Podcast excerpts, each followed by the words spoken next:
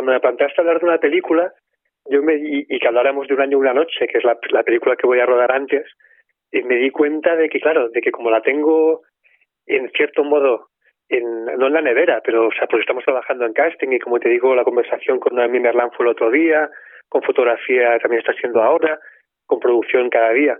Pero el, el guion lo tengo en la nevera a la espera de verlo con frescura. Y en cambio estoy a tope escribiendo el guion del fondo del lago. Y por un momento pensé, es que no sé qué le voy a contar a, a Víctor de un año una noche, si la que tengo fresca es la otra. Y, y creo que tiene relación con eso, con, con querer hablar de la película en la que estoy trabajando ahora más en serio, pero también me doy cuenta que es una forma de pensar que tengo todo el rato, la de pensar en, en dos cosas que se contraponen, que se complementan y que de algún modo me da seguridad también. Es como si imaginara al oyente de esta conversación y tuviera que ofrecerle dos cosas por si una no le gusta. Digo, joder, a ver si a la otra le gusta más. Y así lo ofrezco dos y me siento más seguro.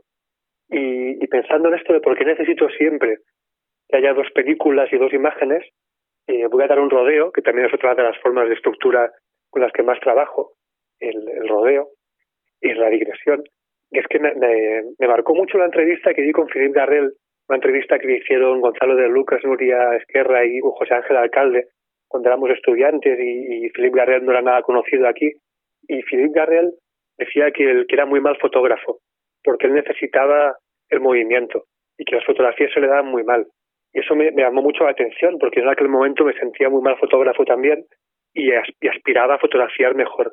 Y con el tiempo me he dado cuenta de que no me ocurre como Garrel, que, que la fotografía no me baste porque me necesito movimiento, sino que me hace falta siempre una segunda imagen. Y, y creo que esa necesidad de segunda imagen, evidentemente, tiene relación con que dos imágenes están creando un relato, pero también con que hay un contraste. Y la segunda imagen sirve como contrapunto, sirve como acotación, sirve como nota de página y casi como contradicción de la primera. Y, y sirve para explicar por qué estoy haciendo una y, a la vez la otra, ¿no? Y, por ejemplo, cuarto de baño la tengo, tengo lleno de ese tipo de montajes de fotos.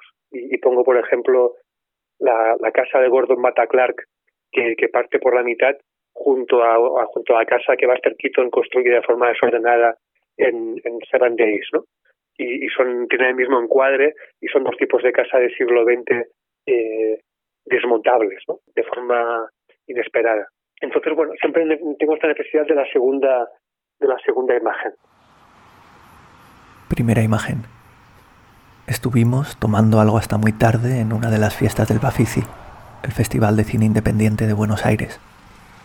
Después, cuando no quedaba nada más que hacer, nos sumamos a un auto que estaba ya lleno, donde nos hicieron hueco en la parte de atrás, sobre otra gente que también estaba volviendo a sus casas. A mí aquel coche me pareció un coche como de película antigua, y alguien dijo que efectivamente era un auto que salía mucho en las películas antiguas argentinas. Nos dejaron a las puertas del Hotel Bowen y subimos a los pisos altos, a un apartamento de dos plantas en el que Isaac y yo estábamos hospedados. Hablamos de las vistas de madrugada de la ciudad, hablamos del coche, del festival, de las películas programadas, de la gente que habíamos conocido y a la que muy posiblemente nunca más en nuestras vidas íbamos a volver a ver. Y efectivamente, nunca más les hemos vuelto a ver. Nos despedimos con un abrazo, cansados, intoxicados de tanto festival, con sueño. Yo me tumbé en el sillón de la planta baja e Isaki subió a su apartamento del piso de arriba. A mí apenas me quedaban dos horas de descanso antes de levantarme para bajar al puerto y tomar el buquebús con destino a la costa de Uruguay. Esa noche los dos soñamos lo mismo. Un sueño doble que tomó la habitación 714 que entró en forma de niebla o de nieve o de aire acondicionado en el Hotel Bowen e invadió las últimas plantas. Quizá todos en el hotel soñamos lo mismo aquella noche, pero eso nunca lo sabremos. Los dos lo recordamos de la misma forma. Han pasado muchos años y seguimos recordándolo con la misma claridad entonces. Aviones de guerra volando muy bajo bombardeaban Buenos Aires y el ruido del ataque era ensordecedor.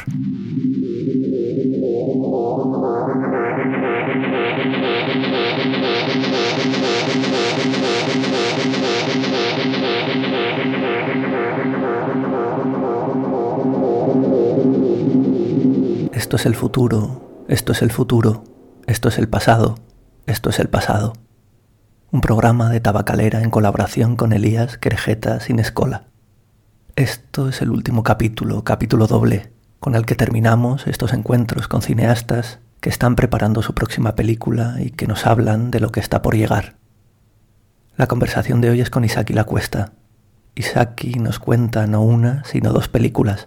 Un año, una noche, ficción que recrea los atentados en la sala Bataclan de París, y El fondo del lago, película de miedo y misterio producida por J. Bayona.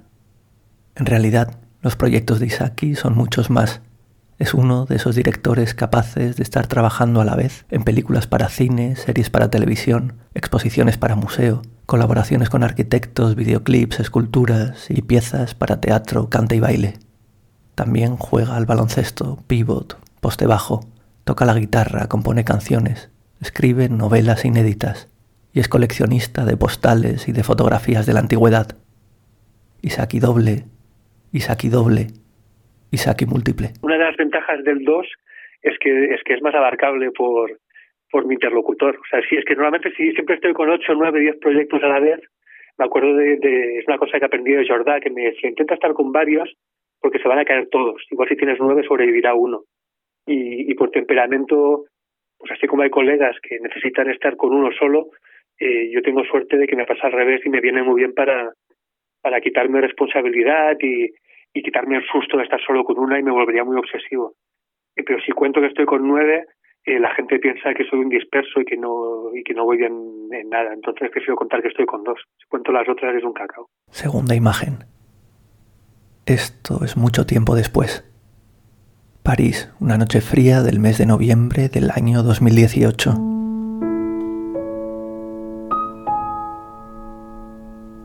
El Centro Pompidou acaba de inaugurar una exposición dedicada a Isaac la Cuesta, en donde se explica su obra a través de duetos, una película enfrentada a otra, Caras versus Caras, su primer cortometraje, frente a Cravan versus Cravan, su primer largo. Y así con todo, hasta llegar al dueto final, La leyenda del tiempo, frente a Entre dos aguas. Se evidencia que ese juego de espejos le ha acompañado siempre, desde los orígenes. Isaki cuenta que la primera película que vio en el cine no fue una, sino dos. Su padre asegura que le llevó a ver 2001 de Stanley Kubrick, pero Isaki, de aquella primera experiencia, solo recuerda imágenes de la Guerra de las Galaxias.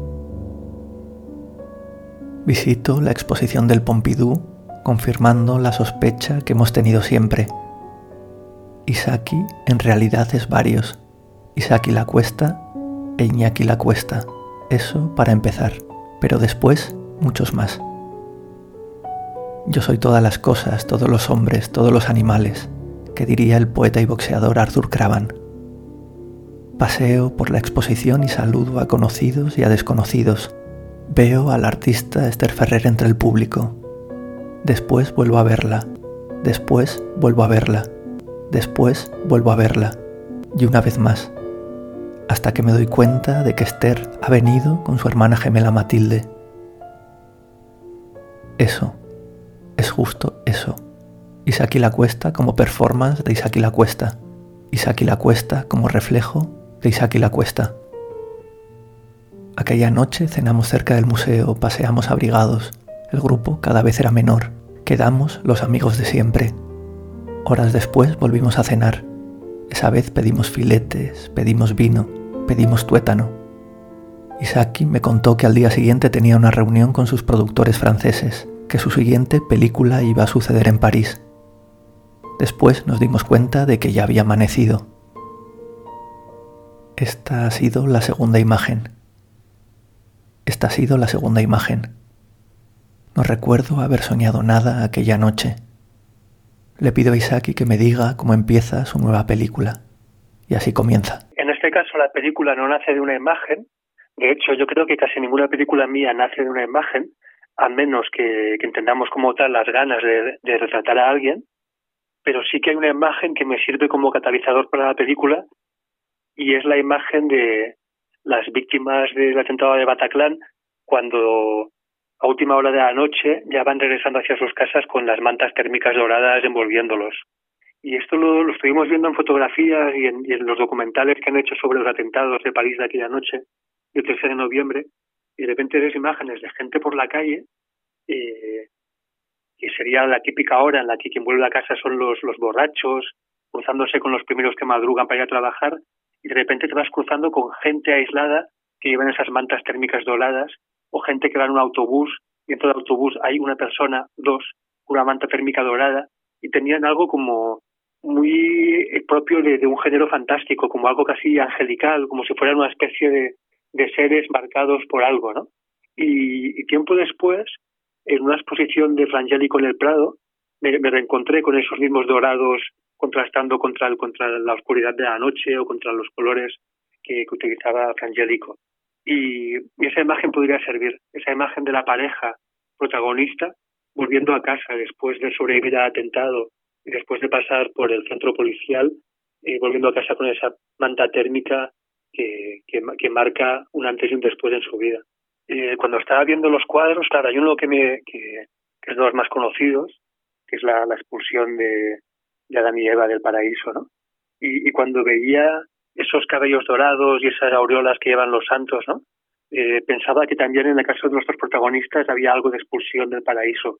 Aunque sean personajes ateos, igual que lo soy yo, aunque no sea una película religiosa, sí hay un trasfondo inevitablemente religioso. Cuando, cuando hay gente que, que quiere cambiar tu forma de vida porque creen en una doctrina. Y pensaba que de repente ese referente religioso podría ser aplicado de una manera laica.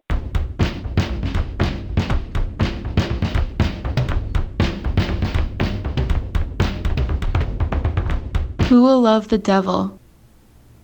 Who will sing his song? Who will love the devil and his song? I'll love the devil. I'll sing his song. I will love the devil and his song. Who will love the devil? Who will kiss his tongue? Who will kiss the devil on his tongue? I'll love the devil. I'll kiss his tongue. I will kiss the devil on his tongue. La noche del 13 de diciembre del año 2015 El grupo de rock norteamericano Eagles of Death Metal iniciaba los primeros compases de este tema titulado Kiss the Devil en la sala Bataclan de París cuando sucedió todo. El origen de la película es una pareja que son Ramón y Paola, que en la vida real están en Bataclan la noche del atentado y sobreviven. Y entonces Ramón decide, Ramón González, decide rehacer su vida. Él tiene un buen trabajo como ingeniero informático en París y decide abandonar el trabajo y vivir como quiere y como desea, porque se dado cuenta que la vida que llevaba no le satisface y se pone a hacer de, de profesor, eh, de profesor de lengua en un instituto y se pone a escribir. Y escribe una primera novela y ha editado Tusquets, que es la historia de esta, de esta experiencia de supervivencia, ¿no? del atentado y de todo el año después. Por eso la película se llama Una noche, un año, o un año, una noche, depende del idioma en francés y en castellano lo hemos invertido por, sonoridad. Y entonces Ramón y Paola lo viven de forma, no sé si decir opuesta, pero totalmente contradictoria. Eh, Ramón lo ve como una ocasión de cambiar su vida y es una cosa que me interesa mucho eh, que esté planteado en la película hasta qué punto es necesario que nos tiroteen para que vivamos como queremos vivir. O sea, no, no, eh, realmente lo que está pasando ahora mismo con la pandemia, ¿no? que nos ha llevado a todos a plantearnos si nuestra vida estaba funcionando o vivíamos de forma equivocada. ¿Hace falta que suframos una pandemia o que nos tiroteen para que nos demos cuenta de cómo queremos vivir? Mientras que Paola lo plantea completamente al revés y decide que no va a cambiar nada porque no quiere permitir que alguien externo a ella, que un terrorista, cambie su vida en ningún sentido y en ningún aspecto. Y decide seguir viviendo como, como ha vivido y decide no contar a nadie lo que le ha pasado. No lo cuenta ni a sus amigas, ni a su familia, porque no quiere que nadie la trate como una víctima, ni que nadie cambie nada respecto a ella. Y, bueno, estas dos perspectivas de Paola y Ramón tan distintas son un poco el motor de la película, ¿no? Esta pareja que sale completamente sincronizada y que intenta reencontrarse en algún punto en común que ya no existe, porque ya viven en tiempos y espacios separados.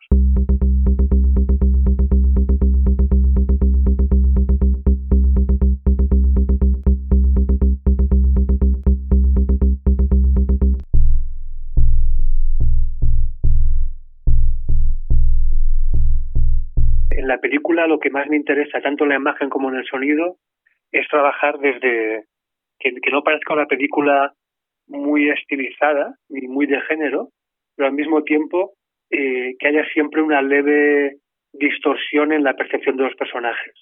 Y esto puede pasar, por ejemplo, eh, de acuerdo, yo, yo he tenido temporadas muy largas de, de, ansiedades y de, y de depresiones, ¿no? Y recuerdo, por ejemplo, como de repente eh, podía entrar en pánico y tardaba y tardaba un rato en darme cuenta qué es lo que lo había detonado. Y, y podía haber sido desde un cambio de luz, o sea, podía haber sido que de repente llevara un coche y, el coche cruzaba frente a un, campo de árboles y, ese campo de árboles hacía que la luz fuera intermitente y esa intermitencia me sobresaltaba, o podía ser un cambio de, de textura en el suelo, o sea, de repente pasar de asfalto a arena hacía que notaba que hubiera algo raro y que se me dispararan las alarmas, o podía ser algo sonoro. Y pensaba, me gustaba pensar que, por ejemplo, eh, que tu pareja se ponga a hacer un zumo de naranja se puede convertir en algo que te dispara tus alarmas. Eh, no solo escuchar unas sirenas que pasan más allá, cualquier experiencia cotidiana, después de haber sufrido un trauma como es el de un atentado, se convierte en algo ¿no? Eh, pensábamos, por ejemplo, los desde luego los fuegos artificiales de Nochevieja, eh, pues son, son, algo que cuando has sufrido un atentado un mes antes y has visto a las personas que te ametrallan y has escuchado, se convierte en algo aterrador. Entonces, esto es un poco el tipo de sensación que buscamos, ¿no?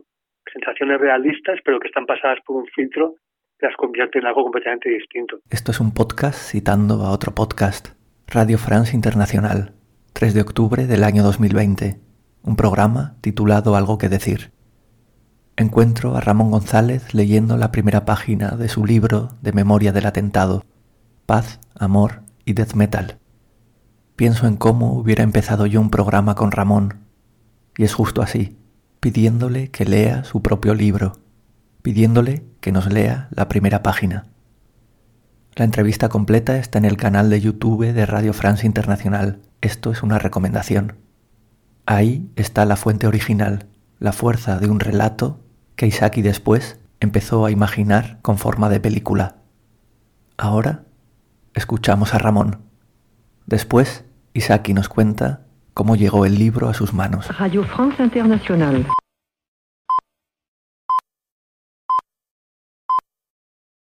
Lo primero que viene a mi memoria es una luz sobrecogedora. Un resplandor repentino me sacude la mente y veo la sala devorada por su aura. Ya no estamos a oscuras, ya no toca la banda. A mi alrededor, en el foso, hay cientos de personas como yo tiradas en el suelo. Mantienen la cabeza escondida entre los brazos y tiemblan. Muchos aún no son conscientes de lo que ocurre, algunos morirán sin saberlo. Hacía unos instantes bailábamos y escuchábamos rock and roll. Ahora se oyen unos gritos desgarradores atravesados por un fuerte ruido de tableteo. Comprendo que no son petardos cuando veo a tres desconocidos que nos disparan a discreción. Han venido a matarnos. Estoy a unos 15 metros de ellos y lo percibo todo a la vez, mezclado, superpuesto, inundado de una luz colosal bajo el rojo hiperviolento de los palcos. No importa lo irreal que parezca, es cierto, está sucediendo y no se detiene. Pues la... A ver, así está bien porque como es, bueno, es, lo bonito de esto del futuro, ¿no? Porque como son películas que no hemos contado nunca, ni siquiera mucho a nosotros mismos, no, no hay un discurso establecido. O sea, que, que lo, que te diré será confuso y, quizás verás. El, el, bueno, el origen es que el libro me lo pasa un productor, que es que Ramón Campos de Bambú.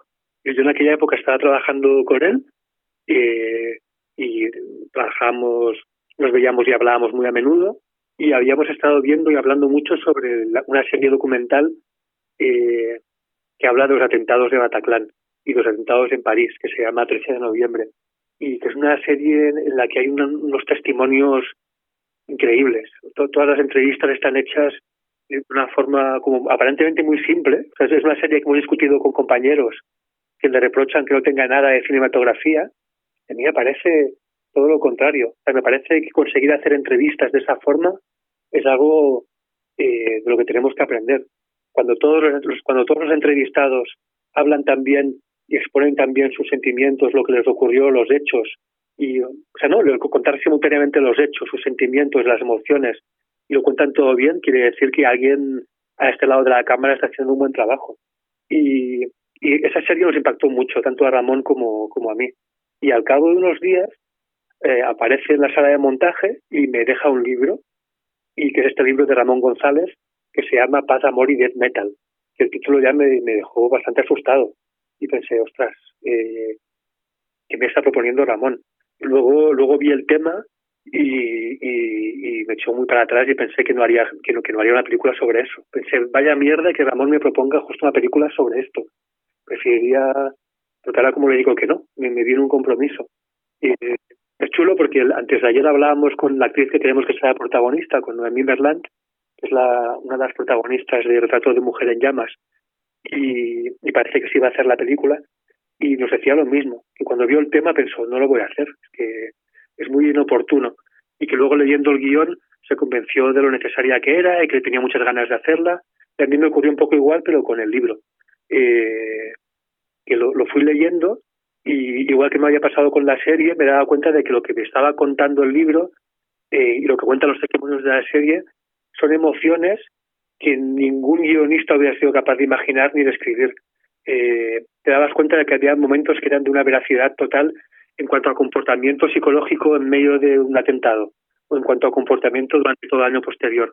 Cosas que, que se escapan por completo de los tópicos, de lo previsible, de lo novelesco, de lo peliculero y que al mismo tiempo son súper reales y nos parecía que poder transmitir y preservar eh, esa experiencia era, era, era muy valioso y a la vez muy potente cinematográficamente. O sea, pensamos que es una película que puede ser muy empática, muy emotiva, pero que al mismo tiempo sirva para, para plantearnos cómo queremos vivir y, sacar algo de esto. Tengo, tengo ganas de, de, hacer películas un poco propositivas también, en el sentido de, no estar todo el rato en la lista, en la cola de las quejas, sino también de, de, poder intentar proponernos cosas y pensar juntos.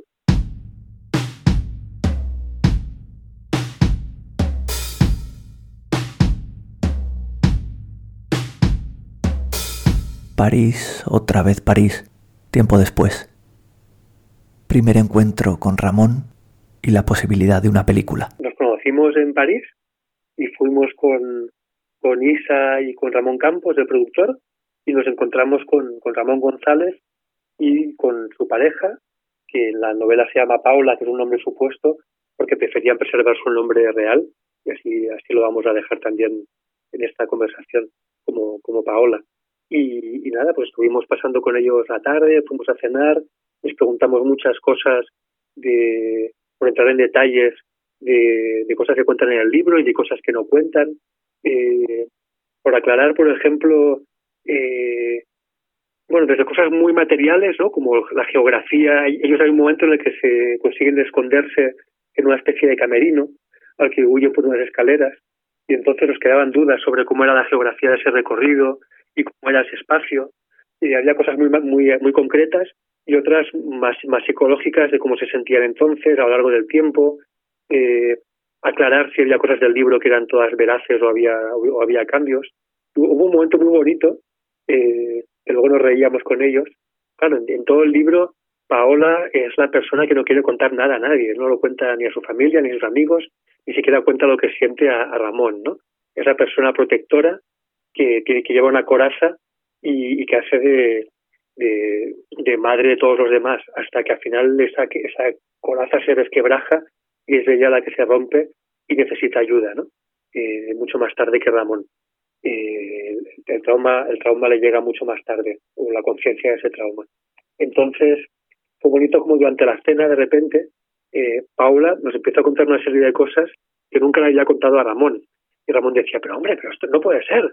al final, pues va a quedar mejor la película que el libro, porque esto no lo contaste en su día. y, ellos seguían siendo pareja y era muy bonito que él siguiera siendo como el personaje del libro, ¿no? Alguien que se guardaba cosas que le, contaba, le costaba sacar afuera. Y luego, bueno, ha habido una gran pena eh, que es que ahora, después de todo este tiempo, por fin Ramón y Paola habían decidido, se veían por fin capaces de volver a, a Bataclan y iban a ir de este mes a un concierto, este mes pasado al concierto de Vetusta Morla en París y, nos invitaron a acompañarles y claro, era un momento que nos emocionaba mucho lo de poder estar en Bataclan con ellos, volver a volver a reapropiarnos de este espacio junto a ellos, ¿no? este espacio que de algún modo habían perdido y, y que nos lo pudieran explicar in situ viviendo un momento tan especial. Y, pero bueno, el concierto se tuvo que anular por el COVID y tenemos pendiente pues este encuentro con Ramón y Paola para llevarles el guion, enseñárselo, porque no han leído la versión nueva y, seguir escuchándoles. Tengo ganas también eso de que pueden estar, ya se han conocido con, con Nahuel, con el actor que queremos que haga de Ramón, y sí tengo ganas de que se conozcan también con, con Noemí y poder hablar todos juntos, ¿no? Aunque luego está claro que los personajes de la película son distintos, pero yo creo que va a ser muy provechoso poder hablar con ellos. No es la primera vez que las películas de Isaki plantean preguntas sobre el terrorismo. Recuerdo la impresión que me produjo una secuencia de la película Los Condenados, en la que se hablaba de ETA con acento argentino. Un tipo joven disparaba un rifle varias veces en mitad de la montaña, probando su puntería. El protagonista se enfrentaba a él y discutían sobre el sentido de aquella lucha, sobre la decisión de matar a alguien. También recuerdo otra secuencia. A mí me parece, sin embargo, que tenemos que dejar de hacernos los boludos y hablar de lo que tenemos que hablar. ¿Qué te pasa vos conmigo? ¿Que te lo tengo que explicar? A mí me gustaría escucharlo, sí.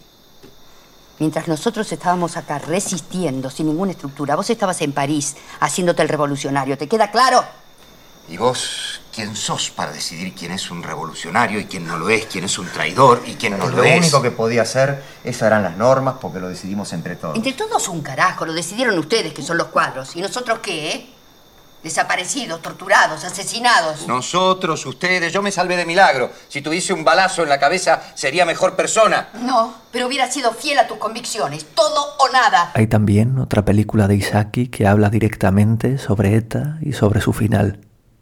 Y ahora una nueva película que habla de los supervivientes del terrorismo, de sus víctimas, de lo que sucede por dentro justo después de sufrir un atentado. Yo creo que el enlace es que sí que la lucha armada es un tema que me, que me interesa mucho, como creo que tiene que interesar de forma normal a cualquier ciudadano contemporáneo, ¿no? Porque nos afecta a todos. Y, y en medio de los condenados y esta película, pues me he pasado todos estos años filmando eh, este proyecto de documental que, que no ha podido salir a la luz y que igual algún día va saliendo a cacho, no sé cómo, sobre sobre el fin de, ETA y cómo ha ido cambiando la sociedad vasca. Entonces he filmado mucho a, víctimas de ETA, a víctimas del GAL, a, miembros de, de, tanto de ETA como de, como de otros grupos y, y desde luego toda esa experiencia la, la, la tenía muy presente a la hora, a la hora de escribir eh, Un año una noche. Igual que Isa, por ejemplo, ha estado escribiendo el guion de la próxima película de Siervo Boyaín, que tiene relación también con unos diálogos de, de profesor de Nanclares. Entonces sí que hemos tenido mucha relación con, con, con víctimas y, y, y, hemos podido conocer de primera mano lo que han sentido, lo que han sufrido, eh, qué experiencias físicas han sentido.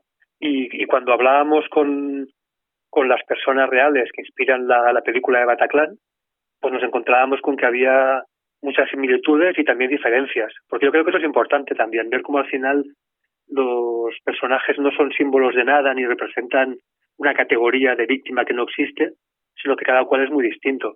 Y, y quizás eso es lo más importante de la película, ver cómo incluso una pareja que, que eran pareja antes del atentado y, y siguen intentándolo ser después del atentado, ni siquiera ellos que han convivido durante ese tiempo han vivido lo mismo. Ni siquiera esa experiencia es compartida, por más que hayan visto y, sufrido los mismos tiros. ¿no?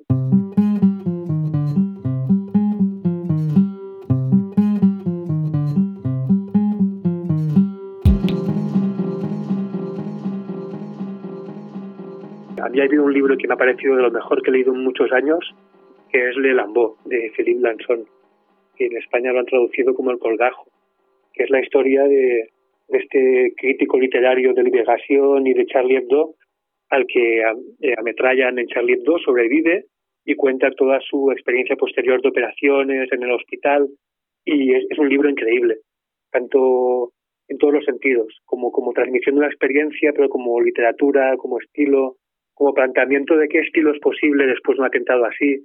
Todo lo que cuenta es, es bueno, un libro realmente muy valioso y súper recomendable y que, y que, y que de hecho a todo el equipo de la película, a los actores, al equipo técnico, les estoy proponiendo que además de leerse el libro de Ramón González, se lean también de Lambeau de Philippe Lanson. Hace unos días, y después de la recomendación de Isaki, compré el libro de Philippe Lanson en la librería Lagún de San Sebastián, que es donde generalmente compro libros en la ciudad, y añado también la librería Tabaco Days en esta lista. Primero llamé por teléfono para preguntar si tenían ese título, y después, cuando me dijeron que sí, pasé a por él. Me atendió una mujer de mediana edad, que cuando fui a pagar me preguntó lo siguiente. ¿Sabes de qué es el libro? Sí, le dije. Es sobre el atentado terrorista en París, en Charlie Hebdo. Sí, es muy bueno, contestó. Yo no me atrevo a recomendarlo porque es muy duro y porque no todo el mundo quiere leer algo así, pero es muy bueno, dijo. Espero que te guste. El 14 de septiembre del año 2000, José Ramón Recalde, uno de los fundadores de la librería Lagún, sufrió un atentado de ETA cerca de su casa, en el barrio de Igueldo. Un miembro de la banda le disparó a quemarropa en la cara al salir de su coche. Recalde sobrevivió al atentado. Ahora, un fragmento del libro, El colgajo, página 71, capítulo 5, Entre los muertos. La sala de redacción fue el primer lugar de ese plano fijo de una película opaca y misteriosa, todavía no trágica, ni realmente empezada, ni realmente terminada. Una película en la que yo actuaba sin haberlo querido, sin saber qué ni cómo interpretar, sin saber si hacía el papel principal de doble o de figurante. La escena de repente improvisada flotaba en los escombros de nuestras propias vidas. Pero no era la mano de un proyeccionista quien lo había detenido todo. Eran unos hombres armados. Eran sus balas. Era lo que nosotros, los profesionales de la imaginación agresiva, no habíamos imaginado. Porque algo así era simplemente inimaginable, al menos en la realidad la muerte inesperada, el elefante metódico en la cacharrería, el huracán breve y frío, la nada. La nada es una expresión que ya no se emplea habitualmente y que yo había utilizado en muchísimos artículos por haber leído demasiada poesía o por haberla leído muy mal. Es un estado que puede concebirse, pero en general se emplea y se concibe como quien dispara con cartuchos de fogueo, sin que nunca pueda aplicarse del todo. En aquella salida ordinaria y relativamente fea, uno solo podía imaginarse la nada como superviviente. Pero era yo, en aquel momento, un superviviente, un fantasma. ¿Dónde estaban la muerte y la vida? ¿Qué quedaba de mí?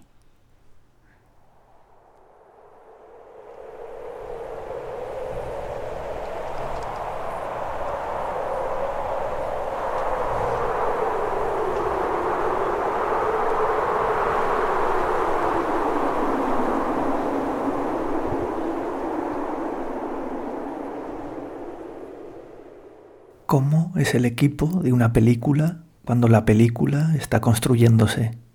Cuando aún las imágenes y sonidos están a medias, buscándose. Isaki nos habla primero de producción, de casting, de la gente que está ya trabajando en el proyecto. Después nos pasamos de lo doble al triángulo, escribir guiones a tres manos. El equipo como bien dices, está a medias. Hay, hay producción en España y en Francia. O sea, está la productora de Bambú, que es donde arranca la peli. Y en Francia Estudio Canal y luego Noodles con Jérôme Vidal. Y entonces, a medida que íbamos investigando con, con Fran Araujo y Sacampo en el guion, pues vamos compartiendo estos materiales. Cuando, cuando salió Le Lambeau, por ejemplo, hubo varias páginas que traduje que traduje al castellano para que Ramón Campos y Fran Araujo pudieran leer, leer de ese libro. Luego intenté incorporar lo más pronto posible a, Luis Bertolo, que, ha sido ayudante de dirección mío en varias películas, y de Rebollo, y de Oliver Lasche, y, y, y que es alguien, como contaba el otro día Rebollo, que siempre está muy cerca de la coautoría y que me interesaba mucho por su por su perspectiva de alguien que me conoce muy bien, pues también que es, es muy francés, porque vive en Marsella, ha crecido en Francia. Entonces la perspectiva francesa sobre este tema eh, me interesaba mucho. Aunque luego son temas que no pertenecen a nadie, ¿no? En el, en el atentado de aquella noche en París mueren gente de 19 nacionalidades distintas. En el atentado de Niza creo que hay víctimas de más de 50 nacionalidades distintas. Esa idea de pensar en nosotros y ellos creo que hace tiempo que ya no que ya no existe, ¿no? Pero aún así, eh, esa sí nos da miedo eh, ese prejuicio que pudiera haber desde desde el lado de la financiación francesa a que esta película estuviera hecha por españoles tratando un tema tan traumático para la sociedad francesa, ¿no? Entonces sí que la opinión de Luis me, me interesaba mucho. Y luego enseguida empecé a hablar con, con Nahuel Pérez Vizcayart, que es un actor que me fascina. Eh, lo descubrí viendo Glue, una película de Alexis dos Santos hace bastantes años. Y, y quizás el, la, la película suya más conocida aquí haya sido 120 pulsaciones por minuto, con la que ganó el César y, y en la que hace un papel increíble. Y bueno, incluso antes de escribir el guion quise hablar con él y pasarle estos libros, eh, eh, invitarle a que conociera a Ramón y a Paola, eh, a, a, las personas reales. Y ahora, por ejemplo, con Noemí Merlant estamos haciendo lo mismo, pasarle eh, estos libros, estas las fotografías que me imagino como referencias. Eh, en el sonido con la banda Villavieja lo mismo. He ido pasando todos estos materiales, los guiones, y en montaje eh, con Domi Parra y con Sergi Díaz lo mismo. Les he ido pasando guion y, y les iré pasando material a medida que se acerquen las fechas. Habrá, habrá un cambio respecto, porque normalmente he trabajado siempre con el mismo equipo y esta vez, por ejemplo, quiero cambiar la dirección de fotografía para trabajar con alguien francés. Y es una cosa que hemos hablado con Diego Dusuel, que ha sido director de foto de todas mis pelis, que, que, haremos un, un parón temporal para hacer esta película en clave francesa, de, de, de dinámica, de idioma, de estética, de forma de trabajar, y luego quiero seguir trabajando con Diego y quizás alternándolo con otra gente, ¿no? Pero me parece también interesante aprender de otros directores de foto, ¿no? Porque al final los directores de foto pueden trabajar con muchos directores distintos y, pillar formas distintas de trabajar y creo que a mí me vendrá bien también conocer otras formas de trabajar.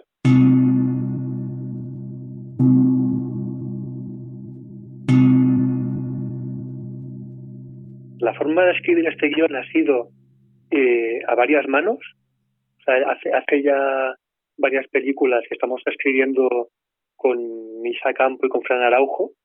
De hecho, antes escribíamos ya con Isa Campo y desde que incorporamos a Fran nos hemos convertido en un triángulo y, nos funciona muy bien este sistema. Tenemos la sensación de que nos, nos complementamos muy bien y, y, y tenemos como capacidades y cualidades distintas que nos vienen muy bien. Y en este caso, además, se incorporó mucho Ramón Campos, el productor de Bambú, que fue el que me propuso la historia, en las sesiones de, de escaleta. Hicimos muchas sesiones conjuntas, de los cuatro juntos, discutiendo escaleta, y fue súper útil la, la, presencia de Ramón, que luego eh, prefirió desaparecer una temporada, y ahora que el guion ya está terminado hace unos meses y lo hemos podido reposar, está haciéndonos otra lectura para podernos pasar notas y por ejemplo el otro día me, me, adelantaba ya que hay una bicis temporal que le parece que podría ser más amplia. Ese tipo de perspectivas eh, creo que y de, pensamiento colectivo creo que vienen muy muy bien. Y, y, y bueno, desmienten un poco todos los tópicos de, de lo que se consideraba la política de autor y ¿no? esa idea de que el cineasta es el que el que lo escribe un, el que lo escribe todo solo, planifica solo, eh, toca la flauta y hace la música creo que en eso hay un equívoco, que, lo bonito del cine, aunque se puede hacer solo, y hay muchas piezas que puedo hacer yo solo en mi casa, luego hay algo muy mágico y muy alquímico de que es toda esta parte de trabajo en colectivo que al final se parece mucho a ti y, y, es muy sorprendente y muy, muy bonito. Y en este caso, pues yo con Fran y con Isa decíamos que era el guion que más nos ha, más trabajo nos ha dado en la vida. Eh, nos parecía, bueno, nos sigue pareciendo una película difícil y estamos contentos de, de, del punto al que hemos llegado. Pero sí nos costó mucho encontrar la escaleta que funcionara, eh, porque la estructura del libro es eh, la estructura del libro no funcionaba para una película como la que queríamos hacer y la hemos tenido que cambiar mucho sin que sin que perdiéramos la realidad ni la, ni la naturaleza de, de lo que contaba el libro. Entonces, bueno, eh, le, hemos dado muchas vueltas a la estructura y ha sido, o sea, el proceso ha sido de trabajar una escaleta hasta que no hemos tenido una escaleta satisfactoria, no, lo, no hemos escrito guion, a diferencia de otras veces que eran paralelo, y luego pues hemos hecho mucho trabajo de corrección y versiones y versiones y versiones hasta llegar a actual que nos satisface mucho, pero que sigue teniendo cosas que creemos que tenemos que mejorar, como por ejemplo la relación entre presente y pasado, porque es, es una película en la que, como dice el título, un año, una noche, la película va alternando todo el tiempo eh, lo que ocurrió en aquella noche de atentado con todo el año siguiente. Entonces es una película que empieza después del atentado y en un principio las imágenes de la noche del atentado pertenecen casi al mundo de, lo obsceno, del tabú, de lo que el traumatismo nos esconde. Eh, y desde esta perspectiva subjetiva de los personajes, el pasado va reapareciendo y se va infiltrando en el presente, a veces en los momentos menos imprevistos, y, lo modifica. Y, nos interesa mucho que sea, bueno, nos costó mucho dar con esta clave, pero eh, al final llegamos a la conclusión de que tenía que ser un pasado, un pasado móvil. Del mismo modo que el pasado eh, nos modifica y nos transforma en el presente, el presente también modifica el pasado, ¿no? Eh, me gusta mucho todo lo que cuenta Elizabeth Loftus, la, esta psicóloga norteamericana que ha trabajado tanto sobre el, sobre el falso recuerdo eh, y que de algún modo ha venido a desmentir o a corregir todo aquello que decía Freud, que me parecía muy bonito lo de Freud y muy cinematográfico cuando hablaba del recuerdo pantalla, ¿no? de estos recuerdos que servían para tapar otros recuerdos y que eran y que muchas veces eran recuerdos eh, eh, simulados.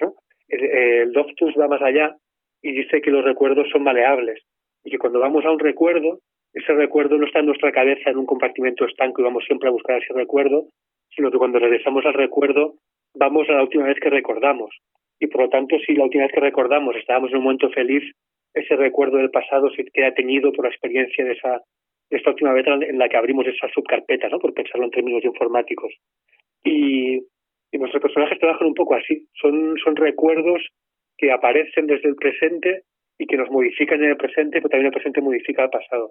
Y esta estructura ha sido como lo más complejo de trabajar y todavía estamos seguros de que en los próximos meses, incluso durante el trabajo de ensayos con los actores, descubriremos cosas sobre, sobre estos procesos. Bloque 1. Los supervivientes de la catástrofe. Bloque 2. La vida continúa y nada volverá a ser como antes. Bloque 3. Ramón quiere empezar de cero. Paola mantenerse como está. Ambas cosas son imposibles. Bloque 4. El trauma se abre paso. Bloque 5.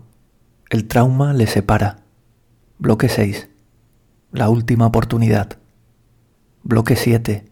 Los dos se ajustan por separado y pueden volver a encontrarse. Hablamos del guion y ahora llegan dos capítulos con forma de lecciones de cine. Lección 12. Escribir guiones de forma clara y poco misteriosa, porque el misterio llegará después, pero no ahora. Seguido de Lección 13, que es una escaleta y cómo cada película pide su propia forma de escritura. El guion que leíste está estructurado en bloques porque nos venía bien para como ordenación mental nuestra. Y, y, esto no, no, va a estar en la película, o sea, no, no va a haber unos intertítulos que, vayan marcando cómo, cómo pasan las etapas. De hecho, nos, nos interesa que los tiempos sean se, se, confundan, es decir, escapar completamente de un esquema de flashbacks en el, que, en el que cuando cambias de tiempo cambias de textura o cambias, pasas de blanco y negro a color.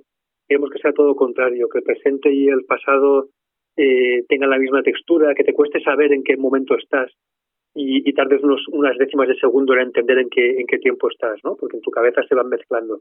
Entonces, ese tipo de cosa que en la película se va a entender muy bien, pero que en la escritura nos daba miedo que el lector se perdiera, porque el lector va, ¿no? El todo lector de guiones, de comisiones y de productoras es un lector súper apresurado que lee en diagonal y entonces hemos querido ser muy explícitos y que el, lector no se perdiera, que entendiera dónde estábamos y entonces era como una, un instrumento funcional para nosotros, para ayudarnos a clarificar y a ordenar la película a medida que la escribíamos y para los lectores que, la, que lo lean así rápido. Pero cada, cada, cada vez más en los guiones, si antes dábamos por descontado que en la página 60 el lector reconocería que la chaqueta roja eh, hace eco con la de la página 10, es una cosa que el espectador de la película sí va a reconocer, ahora sí que sabemos cómo salen los guiones y en la, cuando llega a la página 15 ponemos y esta chaqueta hará eco dentro de unas secuencias con lo que veremos en la secuencia 60. Ahora, ahora sí lo ponemos porque sabemos que la mayoría de las veces los guiones, tanto en comisiones como, como incluso este equipo técnico que lo lee para decidir si va a hacerla o no, se leen muy deprisa.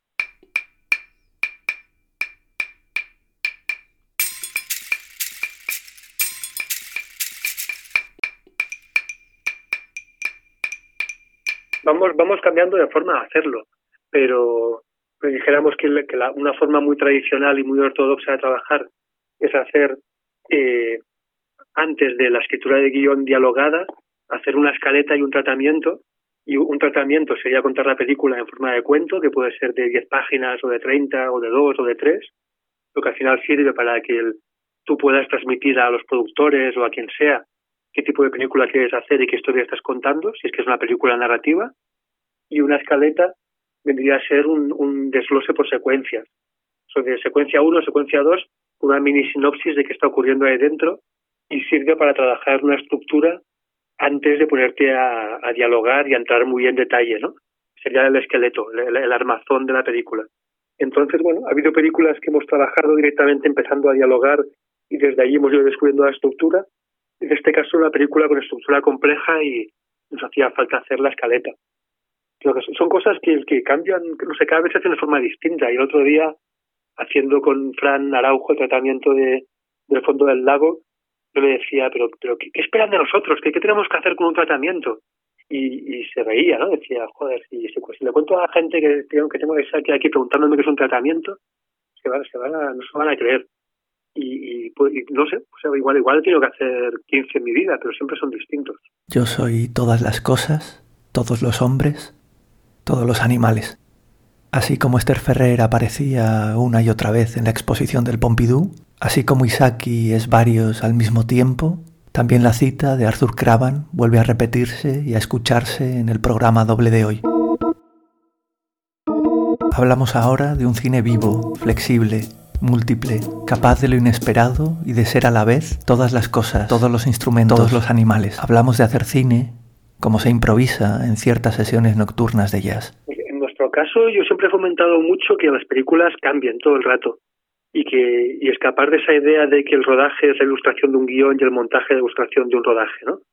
Siempre hemos intentado que fueran procesos que, que están muy abiertos y, y, lo he fomentado mucho también como una forma de, de conseguir que fueran cosas, imágenes más vivas, más reales, eh, y también para evitar eh, obsesionarme con una búsqueda de perfección abocada al fracaso.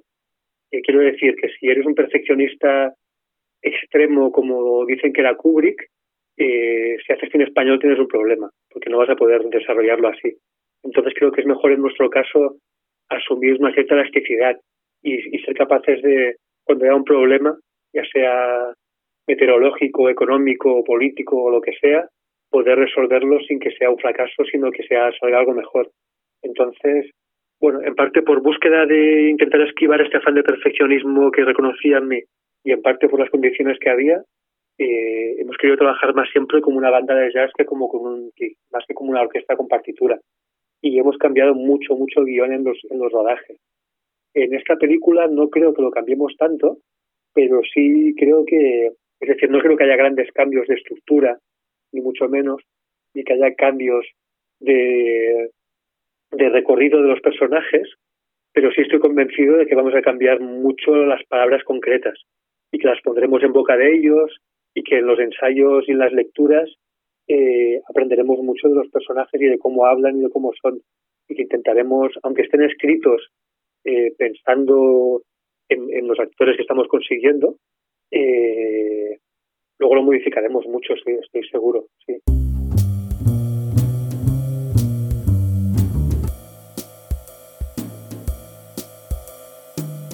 Esta película lo que tiene una particularidad que tiene es que habrá momentos muy precisos y que necesitamos que estén muy dibujados casi de storyboard, mucho más de lo que, bueno, pues, eh, quizás en Los Condenados había, había una secuencia muy coreografiada, pero, pero creo que aquí está necesario trabajarlo con más precisión aún y a, y a la vez habrá momentos en los que queremos que, que podamos jugar e improvisar. Y estoy buscando un, equipo y una, y una logística que, que nos permita trabajar estos dos extremos. Cuentan que Virginia Woolf escribía de pie en un pupitre alto y que su actitud ante el texto era como la de una pintora ante el lienzo. Se alejaba para mirar con perspectiva, se acercaba, deambulaba por la habitación y volvía a las páginas de trabajo con el mismo impulso que el de una pintora tratando de capturar las luces del mar al atardecer. También Charles Dickens escribía de pie, y Pessoa, y Nabokov, y el padre del escritor Antonio Di Benedetto, y Tolstoy, aunque en su caso era por un problema de hemorroides. Nota 1.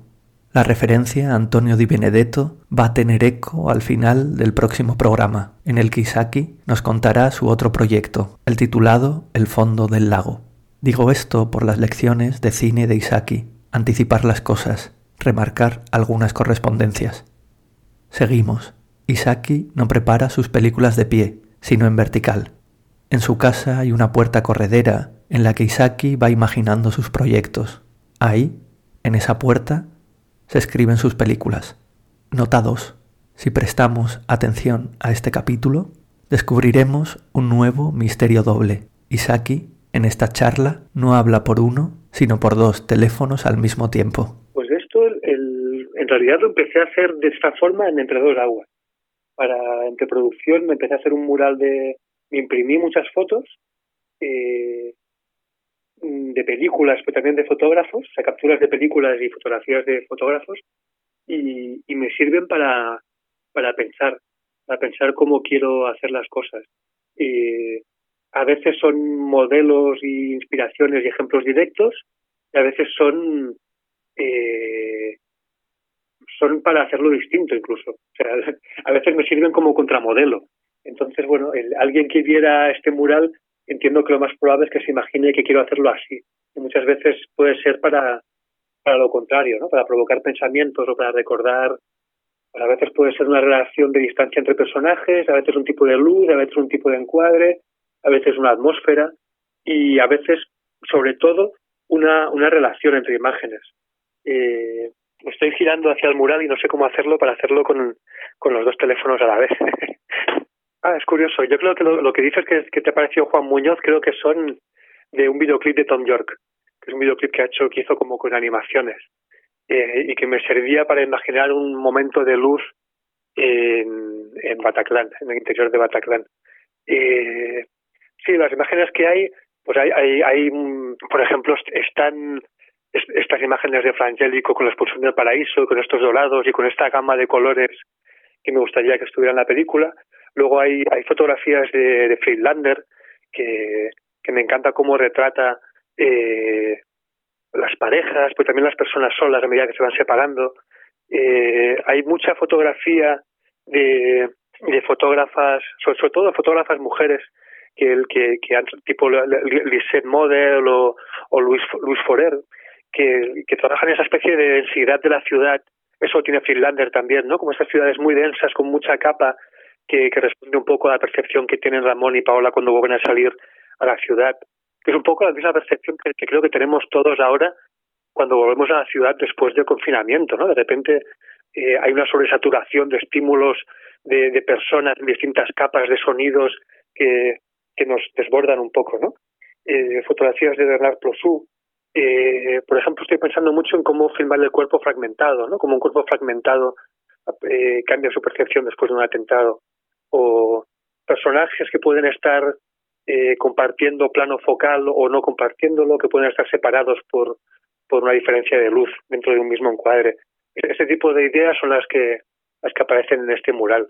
Y, y normalmente lo, bueno, hasta ahora hago los murales y los dejo ahí reposando durante, durante tiempo y, y imagino que lo retomaré en algún momento la preproducción y, cambiará entonces. Ahora, ahora lo dejo aquí estático y me sirve para, para ir pensando. Volvamos a esa noche en París.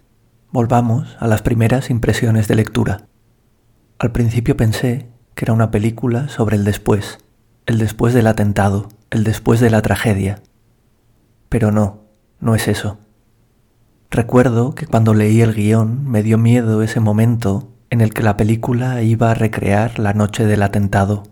Dudé sobre la necesidad de esas imágenes, pero tras la charla, en la escucha posterior, en el montaje de sonido de estas semanas, he entendido que no, que para Isaki no es solo una película sobre el después, sino también una película sobre el momento en el que sucedió el terror, y que es importante no evitar esas imágenes, que todo lo que sucedió aquella noche forma parte de lo que vino después, del día a día cotidiano de después, y que no hay manera de olvidarlo, y que lo que queda es seguir viviendo, seguir viviendo, seguir viviendo.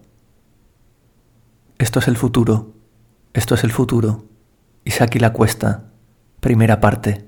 En las lecturas, Elizabeth Mayer con la letra de la canción Kiss the Devil, Violeta Hill en el fragmento del colgajo, y empleados de Band. Suena el piano de la película París que duerme, de René Clair. El fragmento de lectura de Ramón Campos pertenece a la entrevista realizada por Alejo Sapire para Radio France Internacional. En la música original, la futurista Mursego, que cierra este primer capítulo y da paso al intermedio con una versión de Eagles of Death Metal.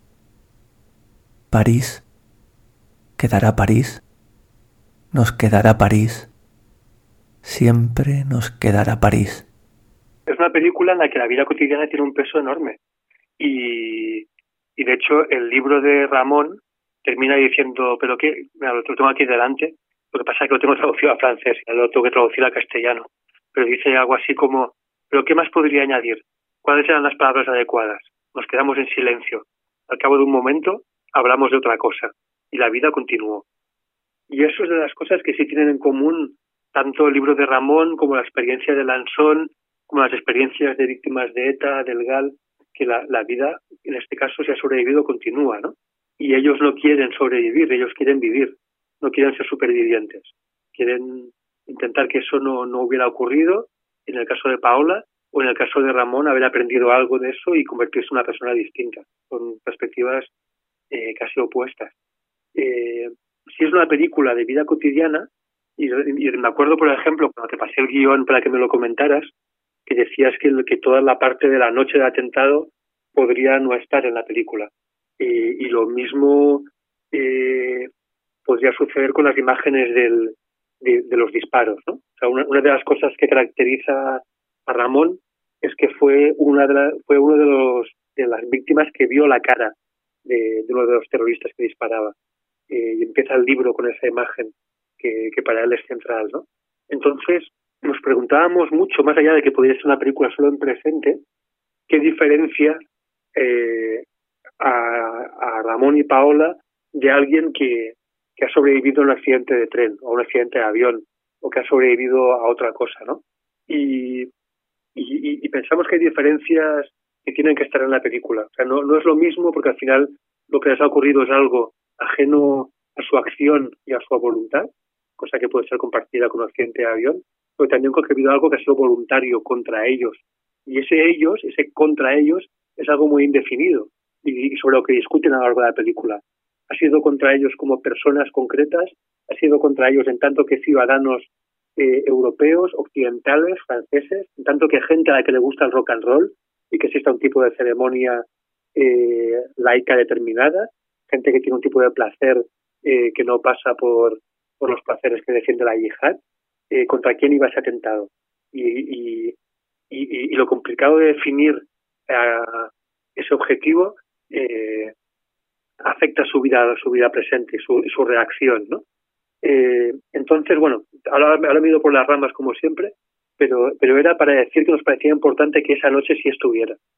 Eh, y que, y que sí, y que sí, esa noche sí se vaya interfiriendo en el presente, porque es lo que lo modifica. O sea, tanto desde un punto de vista eh, ético, moral como estético, nos parecía que no puede quedar en el terreno de lo obsceno ese tiroteo, y tiene que estar en imagen. porque es, lo que les ha modificado.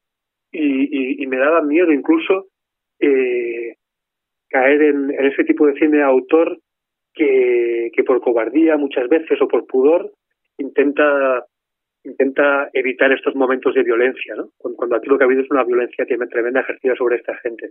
Otra cosa es cómo lo vamos a mostrar. Eh, no queremos mostrarlo como el cine hollywoodense de tiroteos, no ni mucho menos, no es eso. Pero sí tiene que estar presente esa imagen, que es la que ha cambiado la vida de esta persona. Y esquivarla pensamos que sería un gesto de, cobardía. Luego igual resulta que lo ruedo fatal y lo tengo que quitar en montaje, pero vamos a intentar que esté, porque nos parece que tiene que estar. La, la, idea es que responda a, la perspectiva física de los personajes, pero también a la perspectiva emocional y psicológica que tienen a posteriori. O sea, cómo, cómo intentan, qué imágenes intentan esconderse a sí mismos y cuáles les acaban aflorando, ¿no? Y son las que les acompañan después. Y, y, así es como va a aparecer esta representación de la violencia en la película. Una violencia que se intenta ocultar y reprimir y que de forma inevitable acaba, acaba saliendo a la superficie y a la imagen.